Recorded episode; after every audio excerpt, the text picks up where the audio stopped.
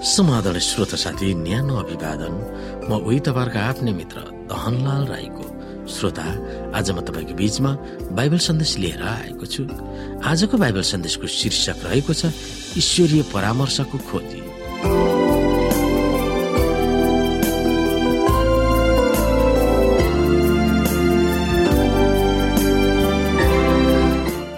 श्रोत साथी यस संसारमा सयौं नास्तिक विद्वान वा विज्ञ गुरुहरू छन् जसले आर्थिक मामिलालाई कसरी व्यवस्थापन गर्ने भनेर सिकाउँदछन्।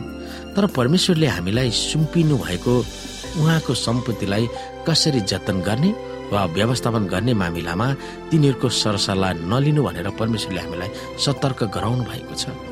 यस मामिलामा बाइबलले यसरी स्पष्ट रूपमा लेखिएको छ धन्य हो त्यो मानिस जो दुष्टहरूको सल्लाहमा हिँड्दैनन् जो पापीहरूको मार्गमा खडा हुँदैन अनि गिल्ला गर्नेहरूको सङ्गतमा बस्दैन। तर परमप्रभुको व्यवस्थामा नै त्यो खुसी रहन्छ र त्यसले दिनरात उहाँकै व्यवस्था मनन गर्छ। त्यो खोलाको किनारमा रोपेको बोट जस्तै हुन्छ जसले आफ्नो ऋतुमा फल दिन्छ अनि जसको पात कहिल्यै ओइल्याउँदैन त्यसले जे पनि गर्छ त्यसमा त्यो सफल हुन्छ। यसकारण जसले परमेश्वरको व्यवस्थामा खुसी हुनेले आशिष पाउनेछ भनेको छ। व्यवस्था भन्दा केवल दश आज्ञा मात्र नभएर परमेश्वरको सम्पूर्ण वचन भनेर हामी बुझ्दछौ। यो कतिको सरल छ? परमेश्वरको नीतिमा हिँड्ने मानिसहरू उन्नति हुन्छ र सफल पनि हुन्छ। आधारभूत आर्थिक मामिलामा हितोपदेश तीन अध्यायको पाँचदेखि आठको नीतिलाई हामीले कसरी प्रयोग गर्नुपर्छ हामी हेर्न सक्छौ। आफ्नो सारा हृदयले परमेश्वरको भरोसा राख्नु र तिम्रो आफ्नै समशक्तिमा भर नपर्नु आफ्ना सारा मार्गमा उहाँलाई सम्झनु र उहाँले तिम्रा मार्गहरू सोझा तुलाइदिनु हुनेछ आफ्नै नजरमा बुद्धिमान नहो परमप्रभुको भयमाना र दुष्कर्मलाई त्याग। यसले तिम्रो शरीरलाई स्वस्थ तुल्याउनेछ र तिम्रो हड्डीको लागि पोषण दिनेछ। श्रोत साथी आर्थिक व्यवस्थापनमा बाइबलले संक्षिप्त रूपमा दिएको महत्वपूर्ण सात बुधाहरू छन्। तिनीहरूलाई हामी हेर्न सक्छौ। एकमा आफूले नै व्यवस्थित ढङ्गले चल्ने निदो गर्नुहोस्। पैसा खर्च गर्ने मामिलामा योजना बनाउनुहोस् हेर्नुहोस् तिम्रो भेडाहरूको व्यवस्था राम्ररी थाहा गर। आफ्नो बगालप्रति सावधानीपूर्वक ध्यान देऊ किनभने धन सम्पत्ति त सधैँभरि रहँदैन र मुकुट पनि सबै पुस्ताका लागि सुरक्षित हुँदैन। हितोपत्य सत्ताइस अध्याय।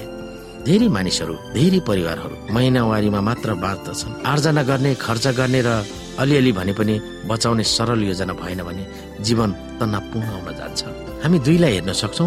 तपाईँले कमाउनु भएको भन्दा धेरै खर्च नगर्नुहोस्। तपाईँको हैसियत अनुसार जिउने प्रयास गर्नुहोस्।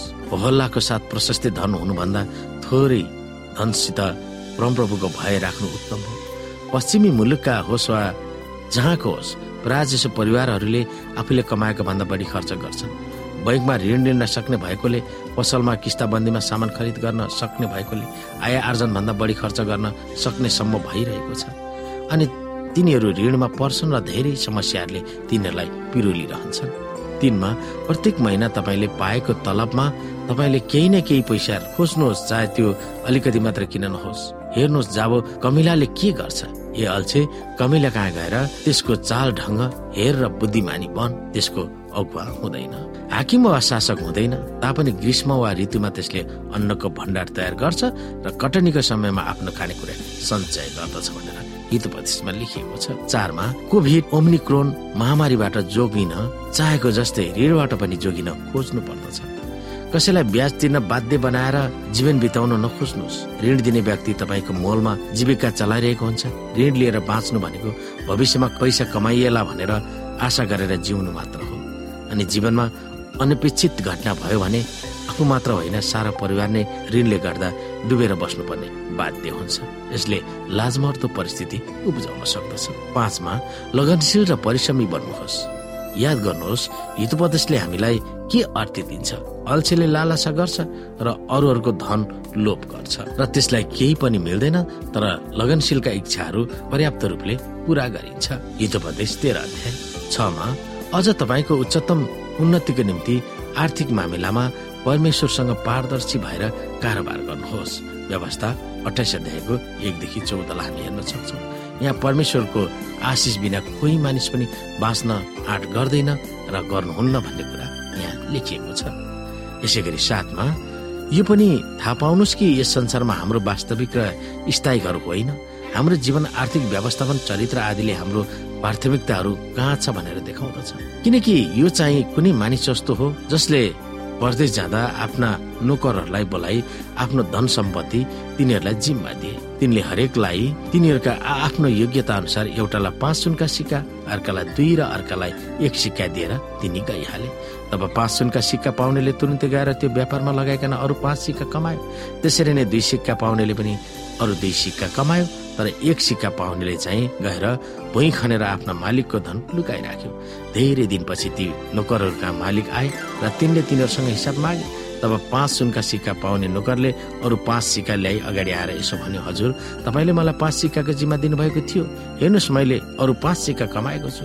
मालिकले त्यसलाई भने सेवास असल र विश्वासी नगर त थोरै कुरामा विश्वासी भइस। अब म तँलाई धेरै कुराको जिम्मा त आफ्ना मालिकको खुसीमा सहभागी हो। दुई सिक्का पाउनेले पनि आएर भन्यो हजुर तपाईँले मलाई दुई सिक्का दिनुभएको थियो। हेर्नुहोस् मैले अरू दुई सिक्का कमाएको छु। त्यस मालिकले त्यसलाई भने स्याबास असल विश्वासी नोकर।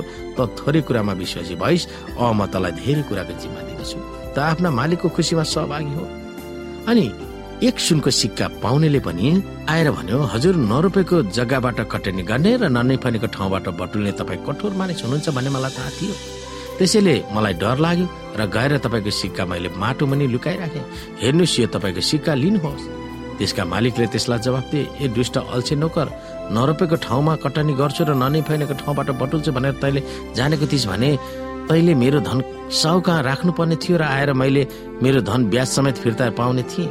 यसकारण त्यसबाट त यो सिक्का खोस् र जससँग दस सिक्का छ त्यसलाई दियो किनभने जससँग छ त्यसलाई अरू दिनेछ त्यससँग प्रशस्त हुनेछ तर जससँग छैन त्यससँग भएको पनि त्यसबाट खोसिनेछ। त्यस बेकममा नोकरलाई चाहिँ बाहिरी अन्धकारमा फालिदियो जहाँ मानिसहरू रुनेछन् र दारा किट्नेछन्। उचित लगानी गरेर आर्थिक लाभ गर्नु कतिको आवश्यक रहेछ भनेर हामीले यी आर्थिक कथाहरूमा स्पष्ट रूपमा सिक्न सक्दछौँ।